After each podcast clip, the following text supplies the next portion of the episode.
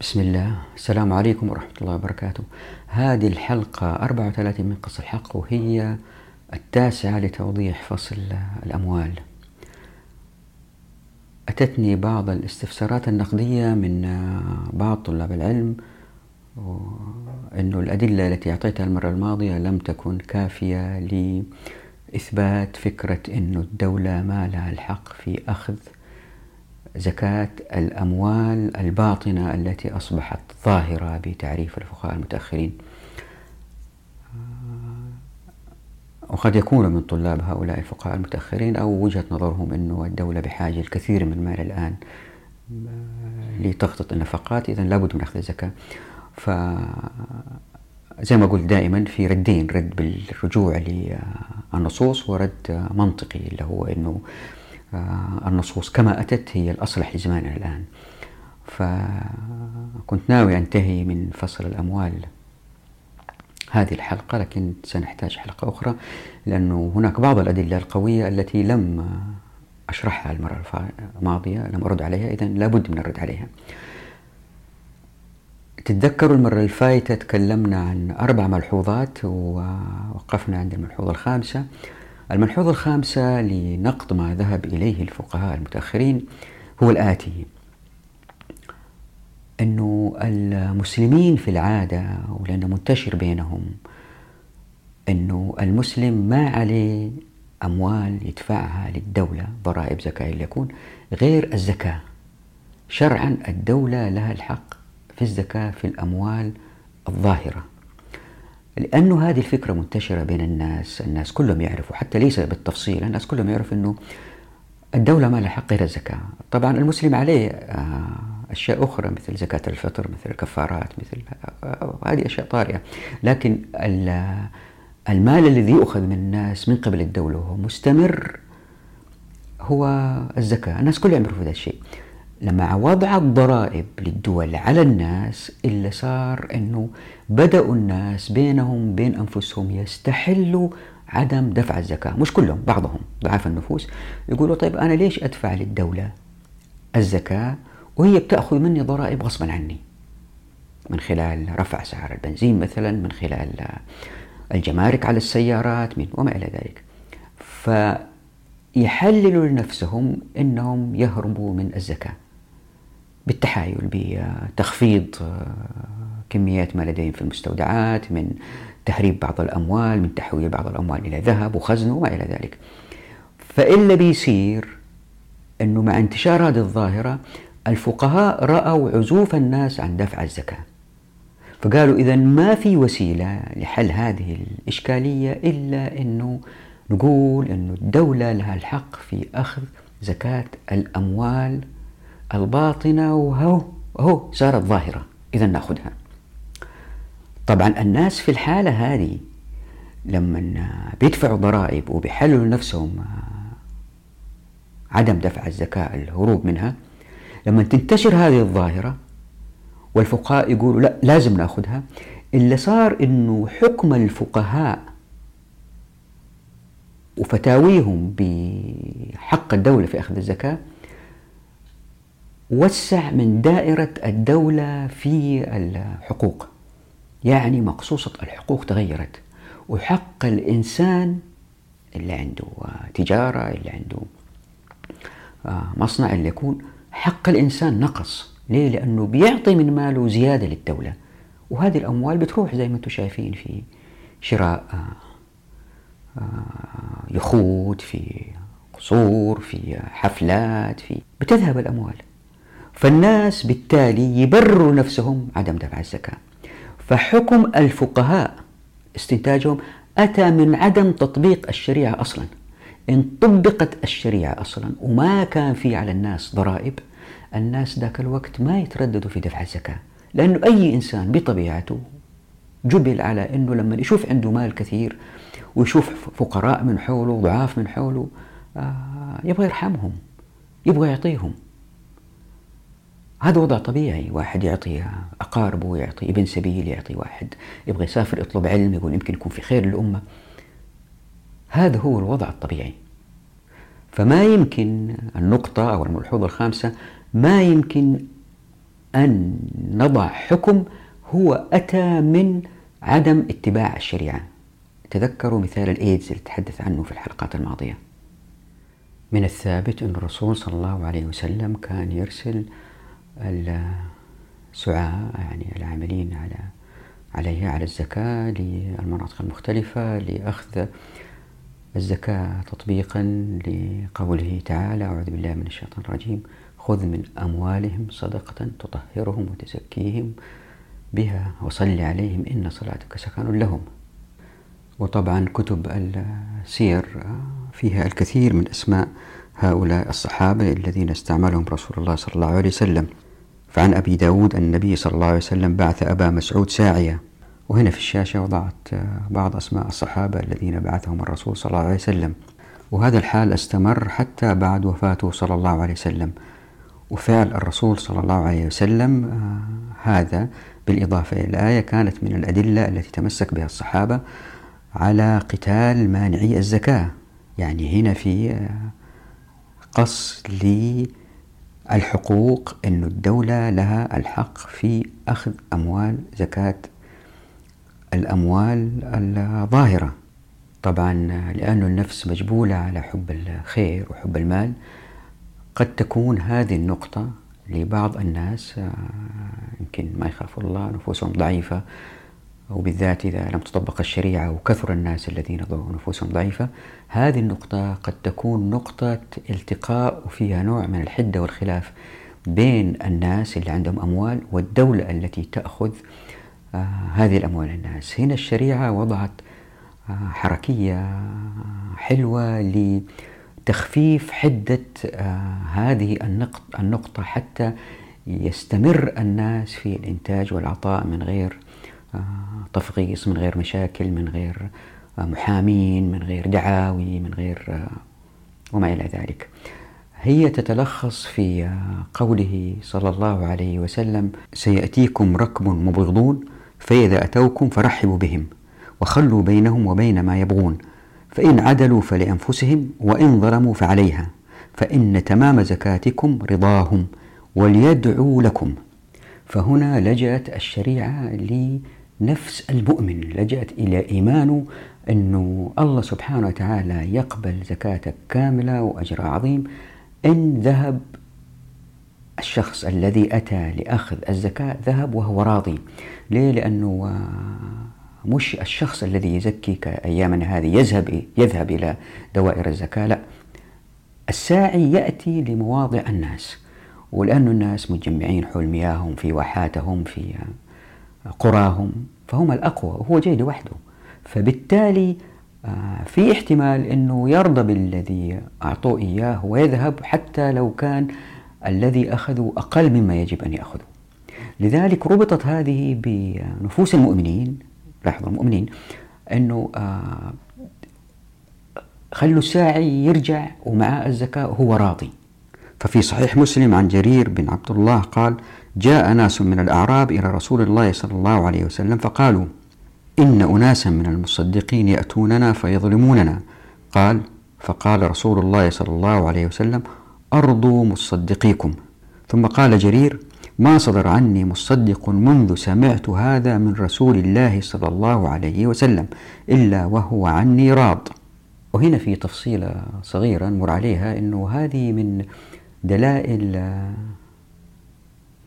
صدق نبوته صلى الله عليه وسلم لأنه هو طبعا السعاة أيام الرسول صلى الله عليه وسلم كانوا صحابة ما يمكن يظلموا الناس. لكن حديث الرسول صلى الله عليه وسلم يبين أنه سيأتي زمان وسيأتي سعاة وقد يكونوا ظالمين لبعض الناس. فيقول في هذا المناوي لا ريب أن المصطفى صلى الله عليه وسلم لم يستعمل ظالما قط بل كانت سعاته على غاية من تحري العدل. كيف ومنهم علي وعمر ومعاذ؟ ومعاذ الله أن يولي المصطفى صلى الله عليه وسلم ظالما. فالمعنى سيأتيكم عمالي يطلبون منكم الزكاة والنفس مجبولة على حب المال. فتبغضونهم وتزعمون أنهم ظالمون. وليسوا بذلك. فقوله إن ظلموا مبني على هذا الزعم. ويدل على ذلك لفظ إن الشرطية. وهي تدل على الفرض والتقدير. لا على الحقيقة. وقال المظهري لما عم الحكم جميع الأزمنة قال كيفما يأخذون الزكاة لا تمنعوهم وإن ظلموكم فإن مخالفتهم مخالفة للسلطان لأنهم مأمورون من جهته ومخالفة السلطان تؤدي إلى الفتنة وثوراتها. ورد المناوي هذا القول بأن العلة لو كانت هي المخالفة جاز كتمان المال لكنه لم يجز لقوله في حديث نكتم من أموالنا بقدر ما يعتدون. قال لا. أما سعاة غيرنا أو أما سعاة غيره أي النبي صلى الله عليه وسلم فإغضاب ظالمهم واجب وإرضاؤه فيما يرومه بالجور حرام. هذا الحديث الذي يحث الناس على إرضاء من يأتوا لأخذ الزكاة يمكن لأي واحد معاصر بالتأكيد راح يقول إيش هذا الكلام الفاضي يعني؟ إحنا أموال الزكاة نربطها بإيمان الشخص مو معقول هذا الكلام. التوضيح هو الآتي. أنه هذا الكلام ينفع مع المؤمنين لكن غير المؤمنين من عموم الناس اللي هم يحبوا المال بالتأكيد سينزعجوا من قدوم آخذ الزكاة. الآن زي ما بينا في الحلقات الماضية إذا صار خلاف بين المزكي وبين مندوب الدولة لأخذ الزكاة. صار خلاف. الكلام زي ما بينا هو كلام المزكي. يعني اللي يقول المزكي هو صح.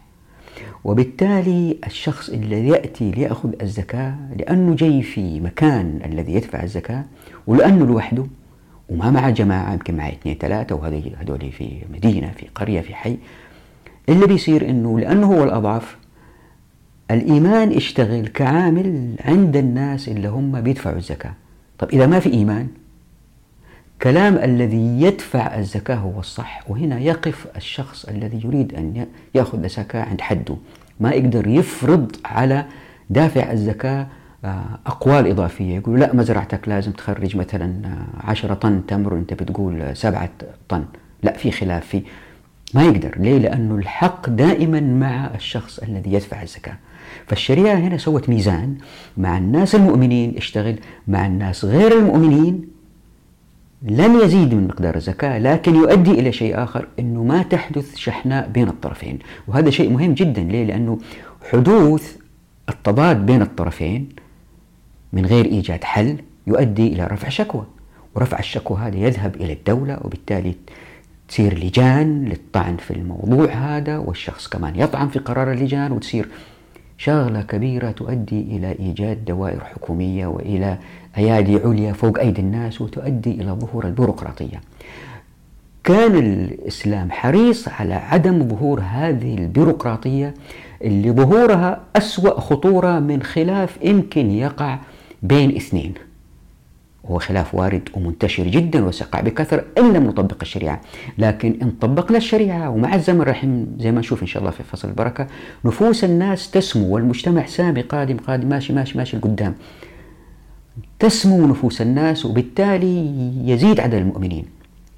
وخلينا نقول انه ما زادوا عدد المؤمنين. تتذكروا في الحلقات الماضية تكلمنا عن الزكاة قلنا من خلال الخرص من خلال التخمين من خلال مقدار الزكاة من خلال هذه الحركيات السابقة تؤدي إلى جعل الزكاة عرف.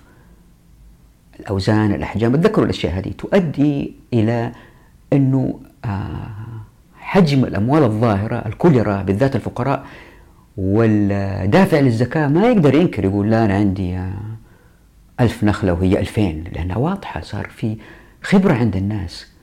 ففي الأموال الظاهرة يستحيل أو يندر أنه شخص يقول لا أنا عندي كذا لأنها ظاهرة واضحة وجاءت الشريعة هنا استغلت إيمان الناس اللي هو راح يزيد مع الزمن ويزيد عددهم مع الزمن استغلت هذه الخصلة لعدم إيجاد خلاف.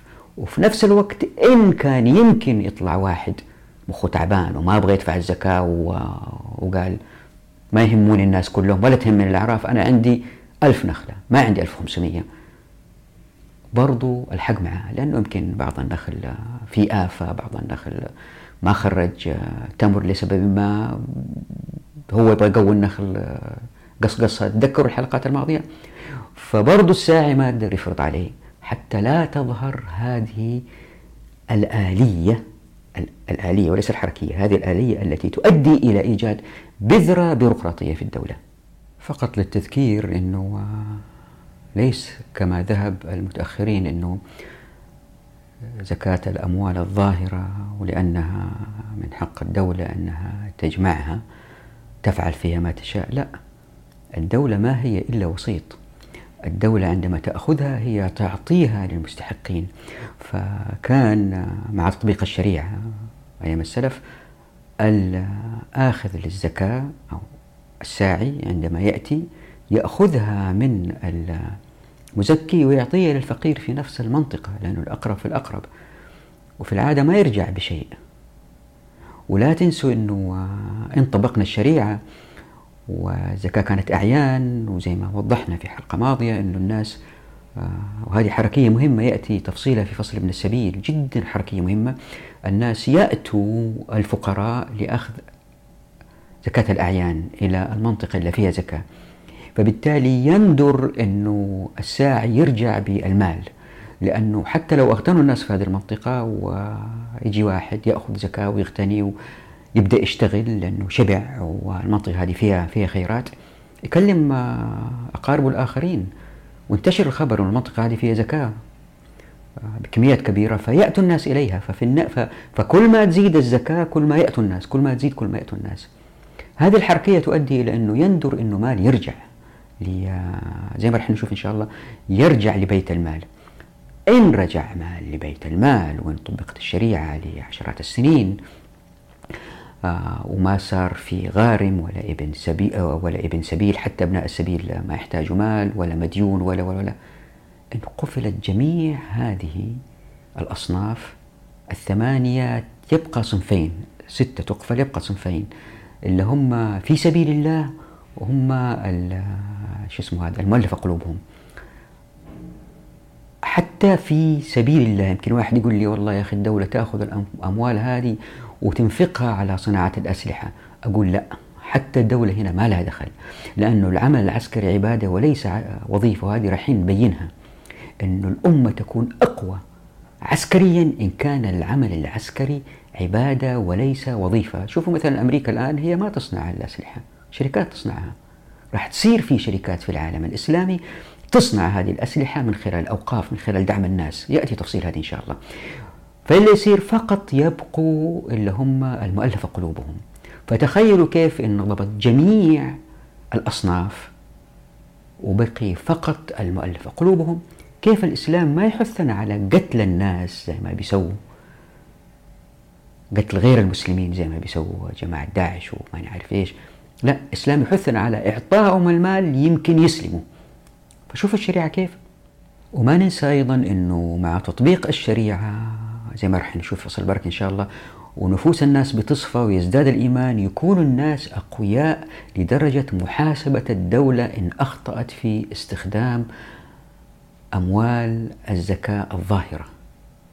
وهذه نقطة مهمة جدا. الآن ما حد يقدر يفتح فمه بكلمة بأي مساءلة.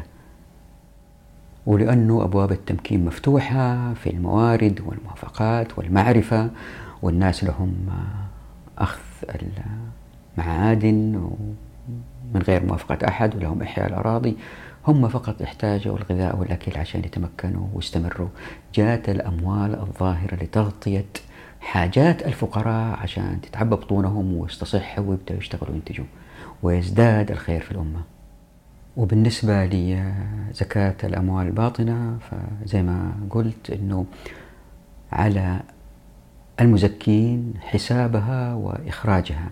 وهذه حركية حتى لا يحدث أي اصطدام بين الناس والدولة. يعني جاءت الشريعة فصلتهم. أنتوا في هذا الخط وأنتوا في هذا الخط. ما في تلاقي ما في اصطدام.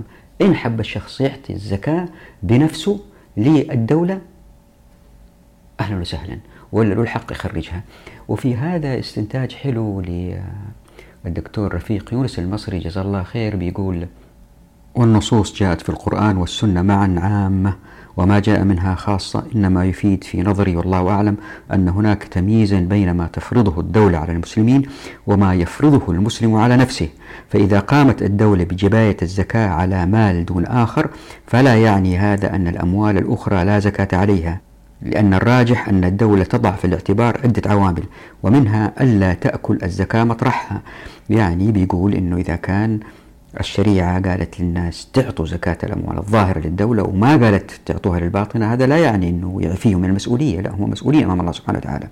لأن الراجح أن الدولة تضع في الاعتبار عدة عوامل منها ألا تأكل الزكاة مطرحها. المطرح في لغة الشام هو الوعاء في لغة أهل مصر وهو مجموع المال الذي يحصل من الزكاة. أي لا يكون تكليفها أعلى من حصائلها. فهناك اعتبارات اقتصادية وعملية. يعني مش معقول أنه نوجد جهاز إداري نستخدمه لجمع الزكاة وتكلفة هذا الجهاز أكثر من الزكاة نفسها. وذلك بالإضافة إلى اعتبارات أخرى تتعلق كما قدمنا بالأموال الباطنة حيث لا يجدي التدخل بل قد يحدث نزاعات لا حد لها. واضطرابات اجتماعية تخل بالثقة بين الحاكم والمحكوم. انتبهوا إيش يقول؟ فلا الزكاة تجبى ولا المكلف يدفع ولا الحافز على الأعمال يبقى ولا العزيمة تفل أو تصرف في أنشطة غير عمرانية ولا اقتصادية في أنشطة صراعية هدامة. لهذا أتت الشريعة بحكمة دفع زكاة الأموال الباطنة حسابها ودفعها على المزكين أنفسهم. الدولة ما لها دخل. آه، وفي هذا يقول سيد سابق وكتاب آه، سيد سابق آه، معروف. هو كتاب يعني يسهل الأمور الفقهية ويجمع معظم آراء المذاهب في في قول سهل بسيط. فيستنتج السيد سابق وقد اتفق الفقهاء على أن الملاك هم الذين يتولون تفريق الزكاة بأنفسهم. فإذا كانت الزكاة زكاة الأموال الباطنة لقول السائب بن يزيد سمعت عثمان بن عفان يخطب على منبر رسول الله صلى الله عليه وسلم يقول هذا شهر زكاتكم فمن كان منكم عليه دين فليقض دينه حتى تخلص أموالكم فتؤدوا منها الزكاة. وقال النووي لا خلاف فيه ونقل أصحابنا فيه إجماع المسلمين. يعني إجماع المسلمين أن الناس بنفسهم يحسبوا زكاة الأموال الباطنة ويخرجوها. وهنا في حرف نون وضعت تحته قبر الماوردي وليس لوالي الصدقات نظر في زكاة المال الباطن وأربابه أحق بإخراج زكاته منه إلا أن يبذلها أرباب المال طوعا فيقبلها منهم. ونظره مختص بزكاة الأموال الظاهرة يؤمر أرباب الأموال بدفعها إليه. ويقول أبو عبيد في زكاة الصامت ولم يأتي عن النبي صلى الله عليه وسلم ولا عن أحد بعده أنهم استكرهوا الناس على صدقة الصامت يعني الأموال الباطنة إلا أن يأتوا بها غير مكرهين وإنما هي أماناتهم يؤدونها فعليهم فيها أداء العين والدين لأنها ملك أيمانهم وهم مؤتمنون عليها.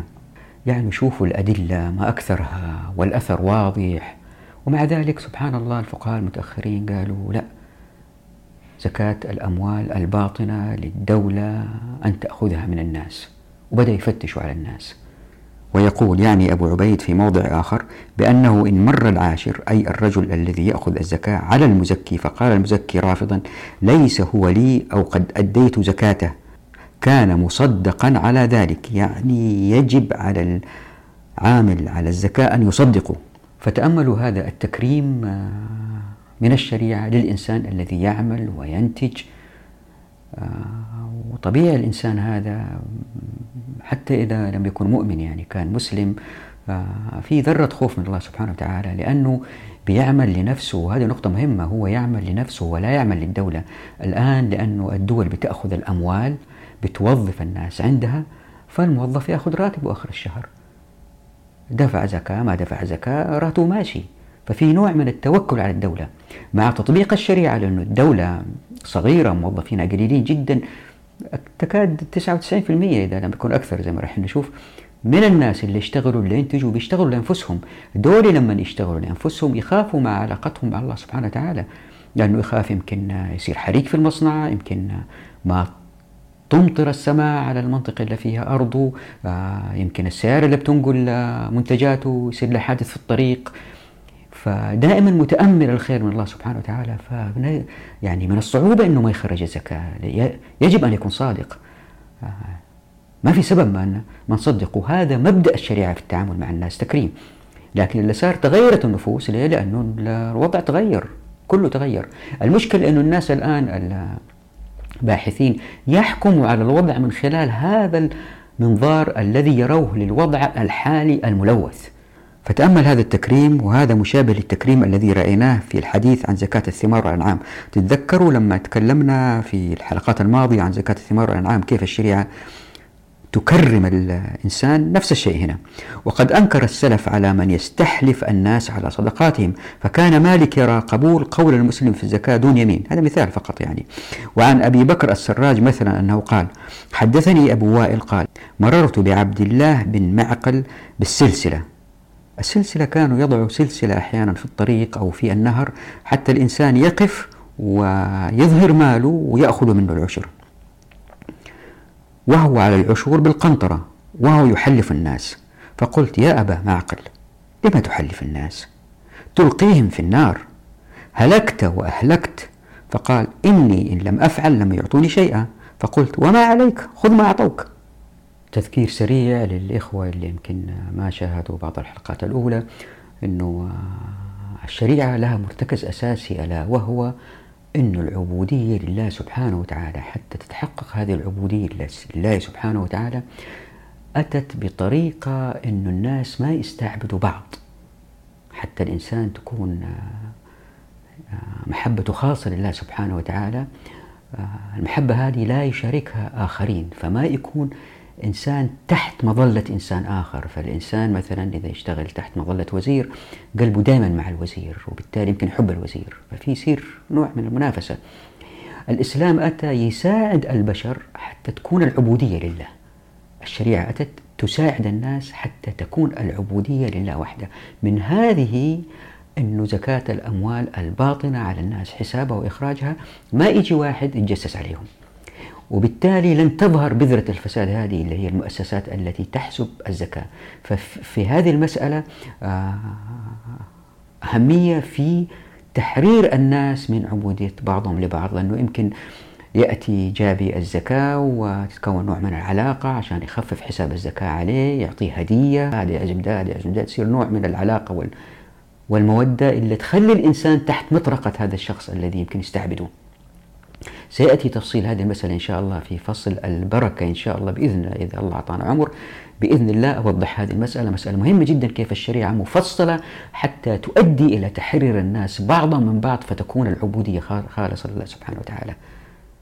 لكن اللي صار مع الأسف أنه بعض الفقهاء آه، لم يلحظوا هذا الشيء وبدأوا لأن الدولة محتاجة للأموال لأن الوضع الحالي هو الذي يتطلب أن الدولة تتطلب الأموال.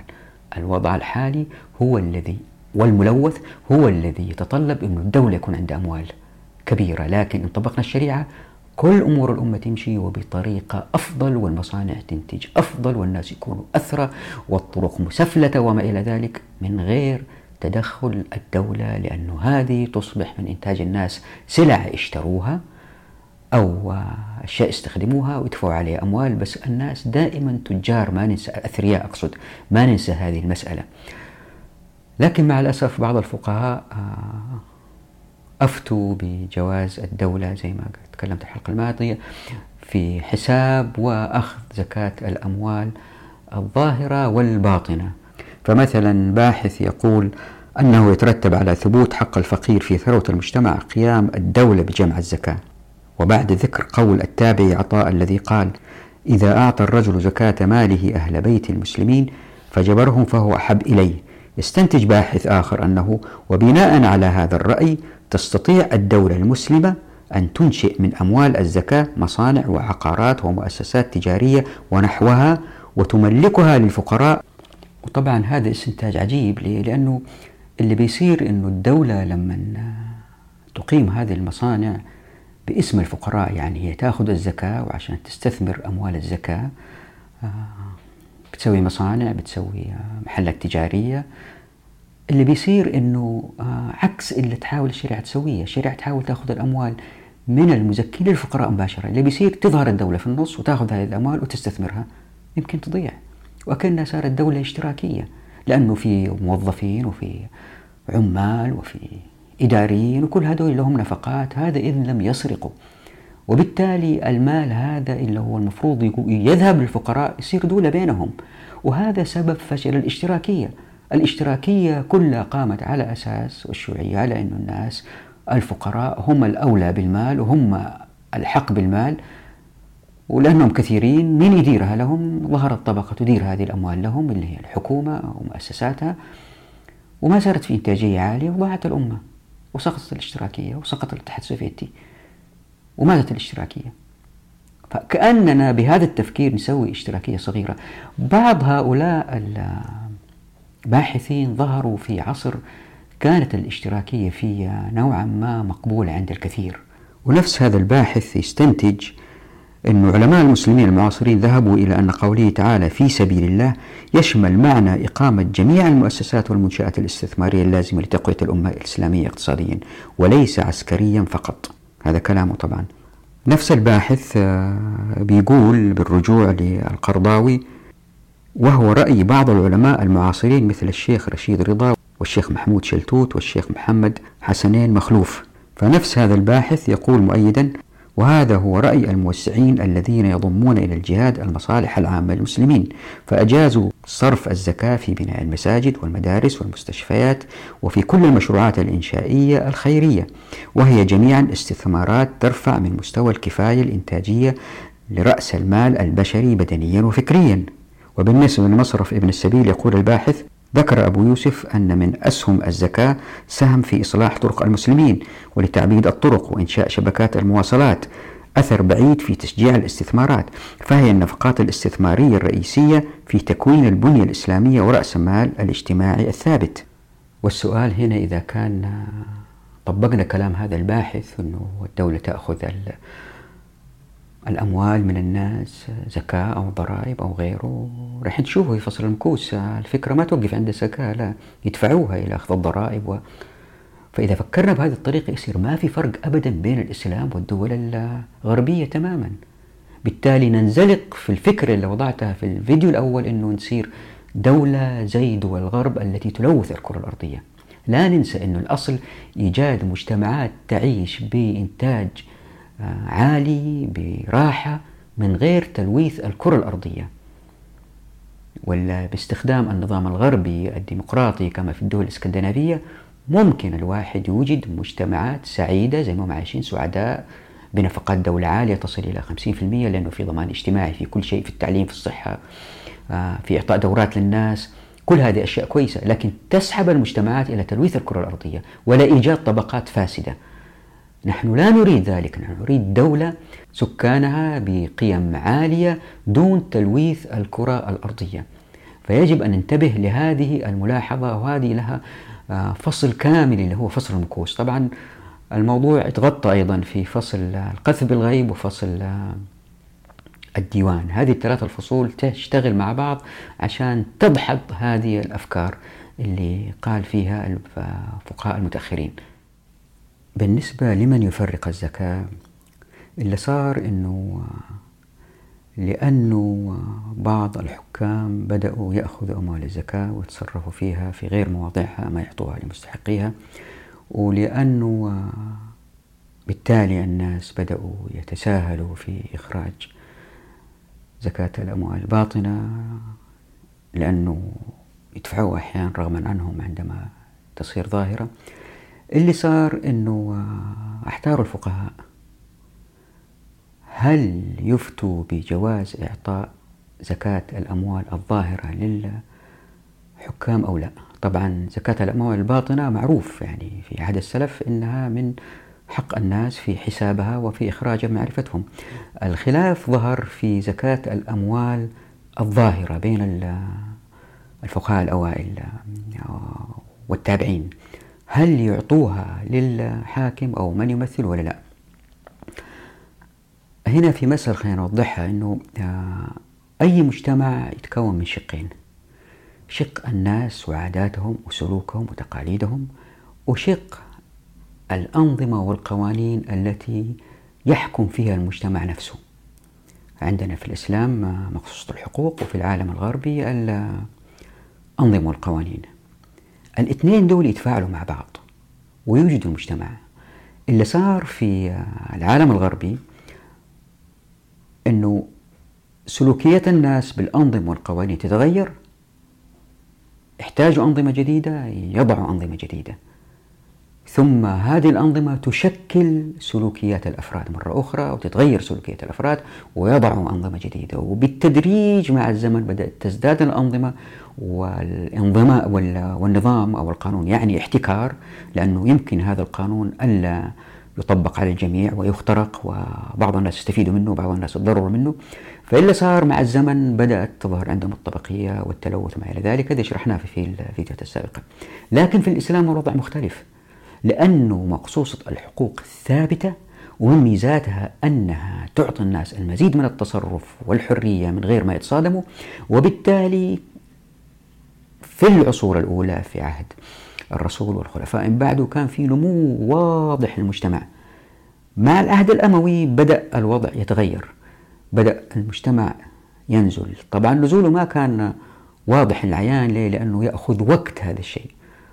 ثم بعد ذلك أتت الدولة العباسية قالت لا الأمويين في الآخر ما طبقوا الشريعة إحنا نطبق الشريعة صح وطبقوها صح في البداية وبدأ في سمو ثم نزول.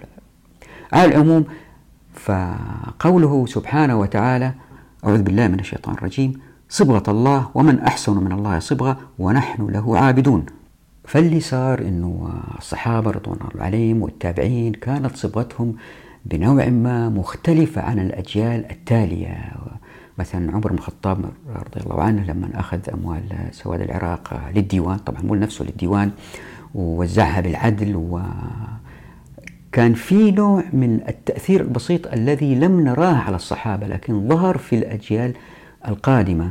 آه، زي ما تكلمنا تتذكروا في آه، آه، موضوع سواد العراق وكيف قسم وهذا لأنه موضوع مفصلي مهم. له فصل كامل سيأتي اسمه الديوان فصل كامل حوالي 300 صفحة وشرحه سيطول لأنه في تفاصيل كثيرة وناس كثير ما يقتنعوا في هذا الكلام لكن بالأدلة إن شاء الله في فصل الديوان سيقتنعوا إن شاء الله بإذن الله. فاللي صار أنه مع العهد الأموي لما بدأت الأموال تذهب للسلاطين ويساء استخدامها أحيانا نفوس الناس تغيرت مع ظهور الفقر. ولما تغيرت نفوس الناس اختلفوا الفقهاء الأوائل وبدأت تظهر الأقوال المختلفة التي يجب أن نشرحها. إذا كان للملاك أن يفرقوا زكاة أموالهم الباطنة أي أن هذا من حقهم فهل هو الأفضل؟ تذكروا دائما أنه شرعا للملاك إن طبقنا الشريعة الحق في حساب وتوزيع أموالهم الباطنة. الدولة ما لها دخل. الآن السؤال هل هذا هو الأفضل أم أن الأفضل أداؤها للسلطان ليقوم هو وعماله بتوزيعها؟ إن كان عادلا بين قوسين إن كان عادلا. الإجابة بالنسبة للشافعية فإن الأفضل عندهم أن يدفعها المزكي الإمام إن كان عادلا. وإن لم يفعل وأخرجها بنفسه فإنها تجزئه. يعني ما قالوا الشخص إذا كان لم يعطيها للإمام يؤثم. لا تجزئه. أما الحنابلة فرأوا أن يوزعها المالك بنفسه. وإن أعطاها للسلطان أجزأه ذلك في فرق بين المذهبين. وبالنسبة للمالكية فقد ذهبوا إلى أنه لم يسغ للمالك يعني ما يجوز له أن يتولى الصرف بنفسه في الناط يعني في الدرهم والدينار أي في الأموال الباطنة ولا في غيره. ولديهم قول أن زكاة الناط على أربابه يعني زكاة الأموال الباطنة وافقوا فيها المذهبين الشافعية والحنابلة. وقال ابن الماجشون هذا من المذهب المالكي. ذلك إذا كان الصرف للفقراء والمساكين خاصة. بالنسبة للمذهب الحنفي تتذكروا قلنا أنه الفقهاء المعاصرين بنوا رأيهم على ما ذهب إليه الأحناف وأنه كيف هذا المذهب ردوا عليه الفقهاء الآخرين. وراح نثبت هذا كمان إن شاء الله في هذا في الجزء القادم. أما بالنسبة للأموال الظاهرة فيستنتج الفقهاء من حديث أنس عندما وجهه أبو بكر رضي الله عنه إلى البحرين من قوله فمن سئلها من المسلمين على وجهها فليعطها يعني سئل الزكاة. فالفقهاء يستنتجوا من هذا الحديث أنه فيه دلالة على دفع الأموال الظاهرة للإمام كما ذكرنا. فعند المالكية والأحناف أن إمام المسلمين ونوابه هم الذين لهم ولاية الطلب والأخذ. أما مذهب الشافعية والحنابلة في الأموال الظاهرة كمذهبهم في الأموال الباطنة أي أن للمالك توزيعها بنفسه إن لم يكن الإمام عادلا.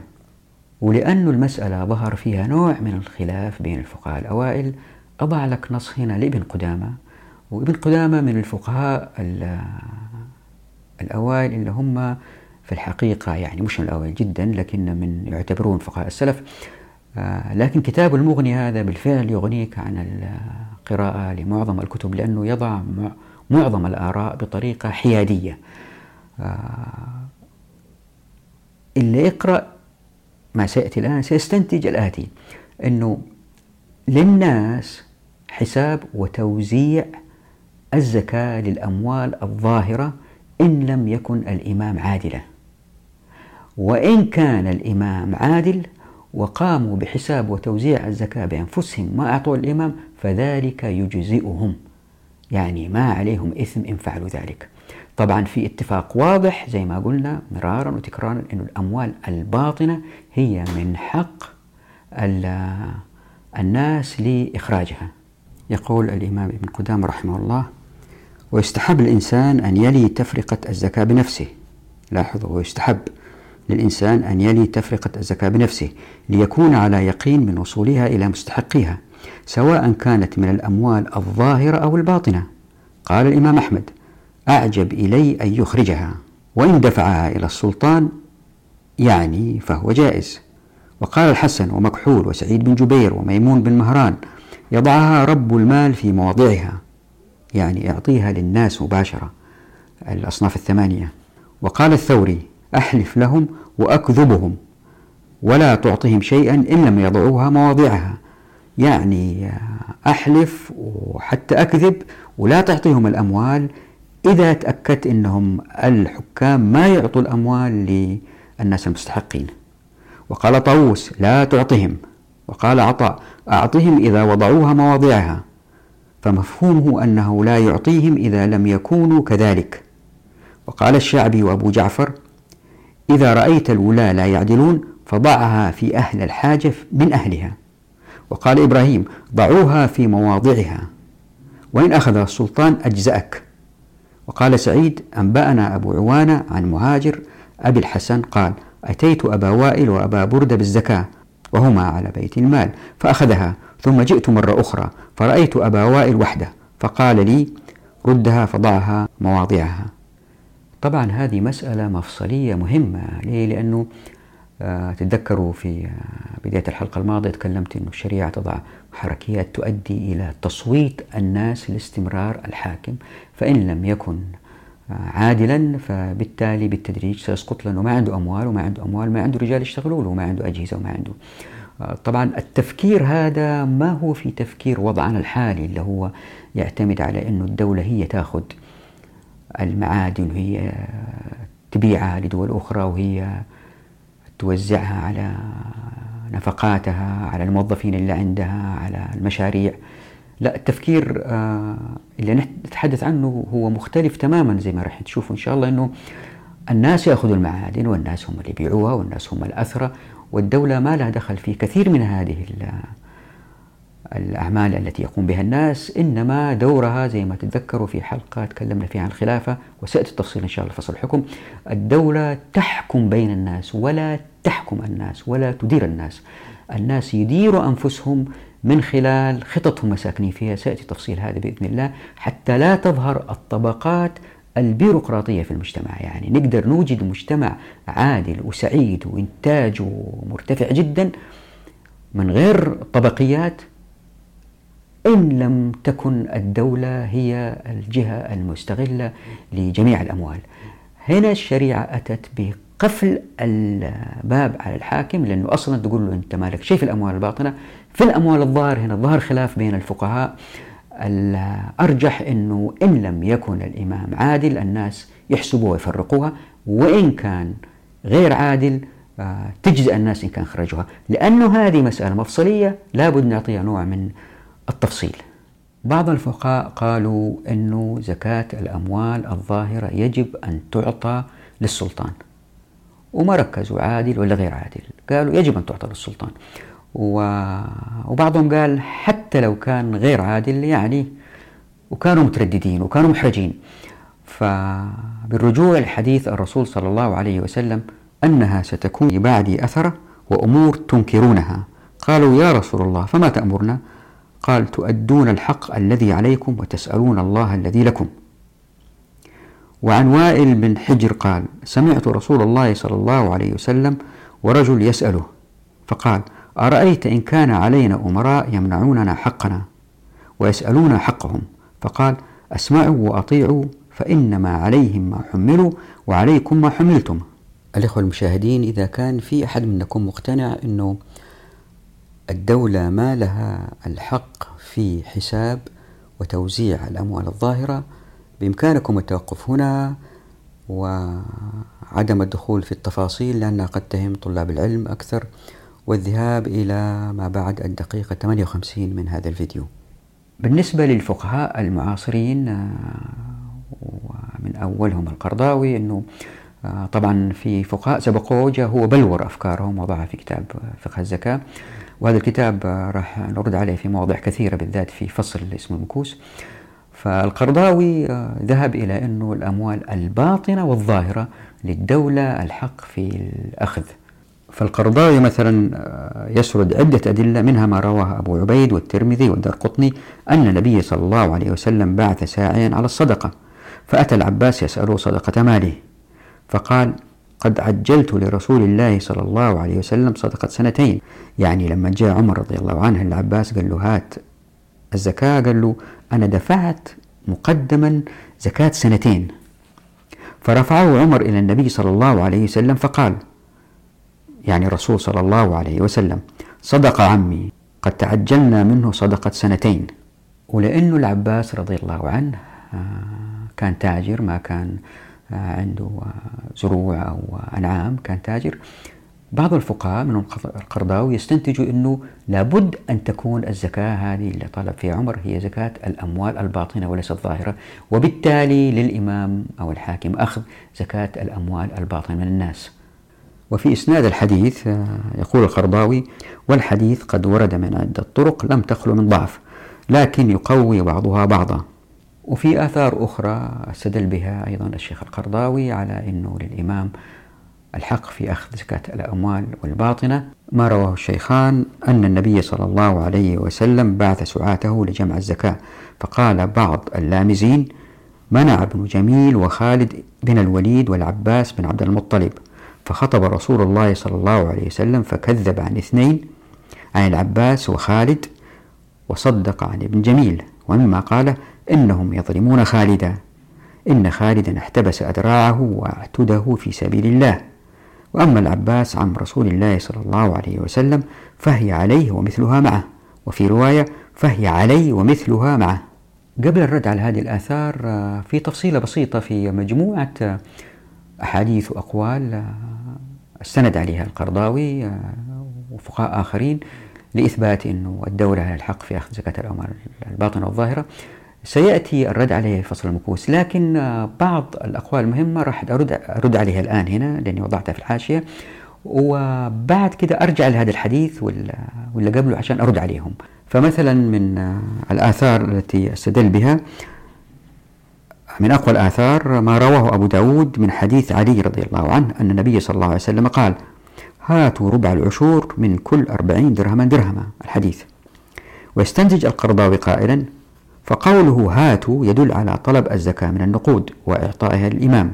ويستطرد القرضاوي في ذكر الأدلة قائلا وقد وردت الروايات الكثيرة أن أبا بكر وعمر وعثمان وابن مسعود ومعاوية وعمر بن عبد العزيز وغيرهم كانوا يأخذون الزكاة من العطاء وهي رواتب الجنود ومن في حكمهم من المرتبين في الديوان.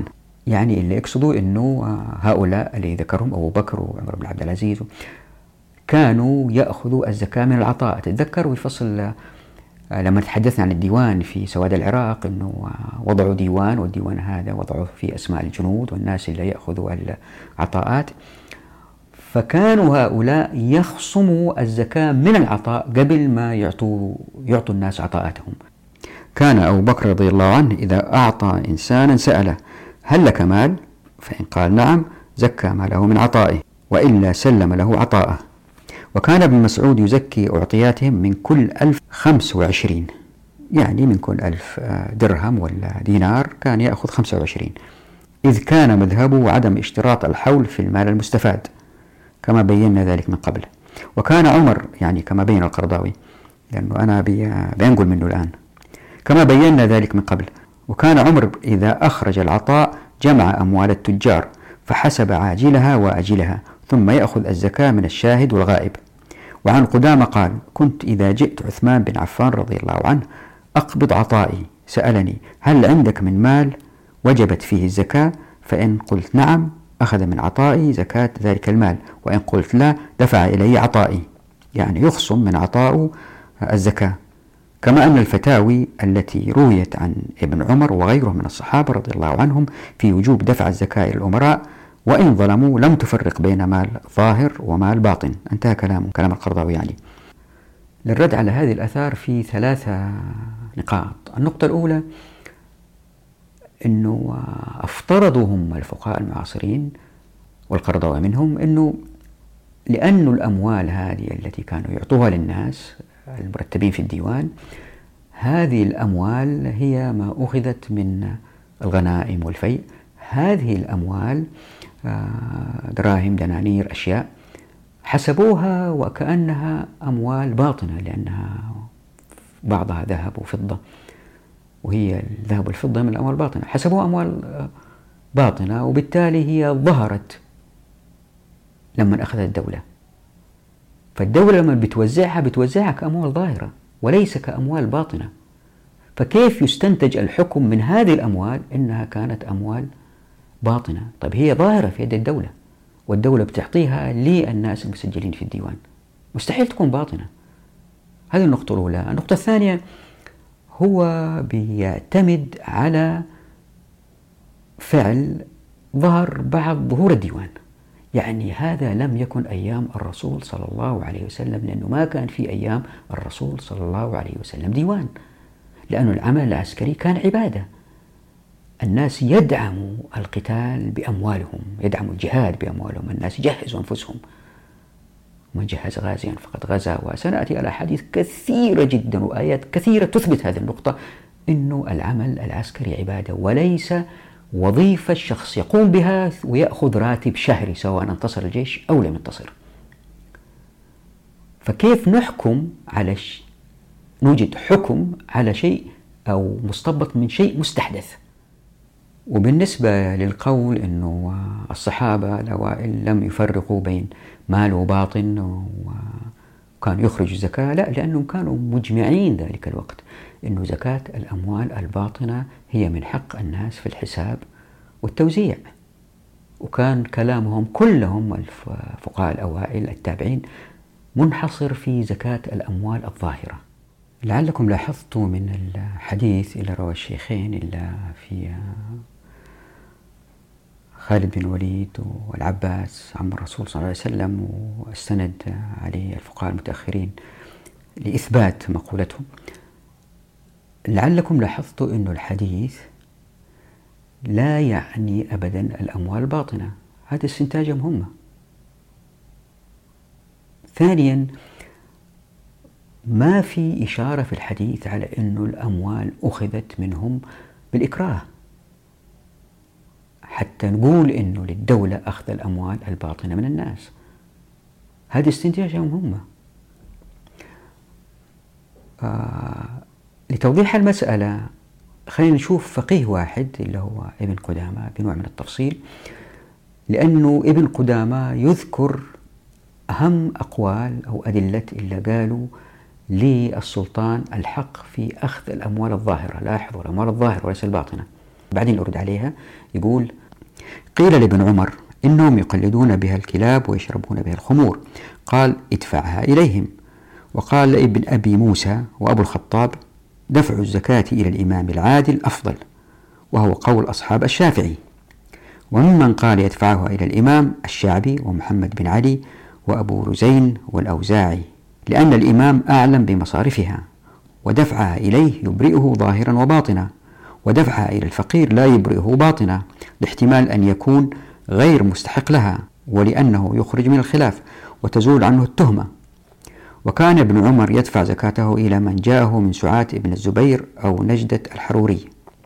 ثم يستطرد ابن قدامة موضحا حجة من رأى دفع الزكاة للسلاطين كالإمام مالك وأبي حنيفة بأنهم قالوا لا يفرق الأموال الظاهرة إلا الإمام. لقول الله تعالى أعوذ بالله من الشيطان الرجيم. خذ من أموالهم صدقة تطهرهم وتزكيهم بها. ولأن أبا بكر رضي الله عنهم طالبهم بالزكاة وقتلهم عليها. وقال لو منعوني عناقا كانوا يؤدونها إلى رسول الله صلى الله عليه وسلم لقتلتهم عليها. ووافقه الصحابة على هذا. ولأن مال الإمام قبضه بحكم الولاية لا يجوز دفعه إلى المولى عليه كولي اليتيم. وللشافعي قولان كالمذهبين. بعد ذكر كل هذه الآثار اللي عارفها ابن قدامة؟ يرد على هذه الآثار بالآتي ولنا على جواز دفعها بنفسه أنه دفع الحق إلى مستحقيه الجائز تصرفه فأجزأه كما لو دفع الدين إلى غريمه وكزكاة الأموال الباطنة ولأنه أحد نوعي الزكاة فأشبه النوع الآخر والآية تدل على أن للإمام أخذها ولا خلاف فيه ومطالبة أبي بكر لهم بها لكونهم لم يؤدوها إلى أهلها ولو أدوها إلى أهلها لم يقاتلهم عليها. انتبهوا. ولو أدوها إلى أهلها لم يقاتلهم عليها لأن ذلك مختلف في أجزائه. فلا تجوز المقاتلة من أجله وإنما يطالب الإمام بحكم الولاية والنيابة عن مستحقيها. فإذا دفعها إليهم جاز لأنهم أهل رشد فجاز الدفع إليهم بخلاف اليتيم. وأما وجه تفضيل دفعها بنفسه فلأنه إيصال للحق إلى مستحقه مع توفير أجر العمالة وصيانة حقهم عن خطر الخيانة ومباشرة تفريج كربة مستحقها وإغنائه بها مع إعطائها للأولى بها من محاويج أقاربه وذوي رحمه وصلة رحمه بها فكان أفضل. كما لو لم يكن آخذها من أهل العدل. فإن قيل فالكلام في الإمام العادل والخيانة مأمونة في حقه قلنا الإمام لا يتولى ذلك بنفسه. انتبهوا يعني في ناس ثانيين يسووا الشغلة هذه. يمكن ما يكونوا في نفس الأمانة أو العدل الإمام زي الإمام. وإنما يفوضه إلى نوابه فلا تؤمن منهم الخيانة. ثم ربما لا يصل إلى المستحق الذي قد علمه المالك من أهله وجيرانه شيء منها. يعني الأموال تروح لناس ثانيين مش اللي هو بيعطيهم وهم أحق الناس بصلته وصدقته ومواساته. لاحظ أن كل هذه الأقوال للإمام ابن قدامة تؤدي إلى آه، إيجاد مجتمع آه، نقي من المرض وبالتالي نقي من الأمراض والجهل وما إلى ذلك. لأن الناس اللي يعطوا الزكاة يعرفوا من هو أحوج مش مسؤول الدولة اللي جالس بعيد. وقولهم أن أخذ الإمام يبرئه ظاهرا وباطنا قلنا يبطل هذا بدفعه إلى غير العادل فإنه يبرئه أيضا. وقد سلموا أنه ليس بأفضل. ثم إن البراءة الظاهرة تكفي وقولهم أنه تزول به التهمة قلنا متى أظهرها زالت التهمة سواء أخرجها بنفسه أو دفعها للإمام. ولا يختلف المذهب إن دفعها إلى الإمام جائز سواء كان عادلا أو غير عادل وسواء كانت من الأموال الظاهرة أو الباطنة. ويبرأ بدفعها سواء تلفت في يد الإمام أو لم تتلف أو صرفها في مصارفها أو لم يصرفها.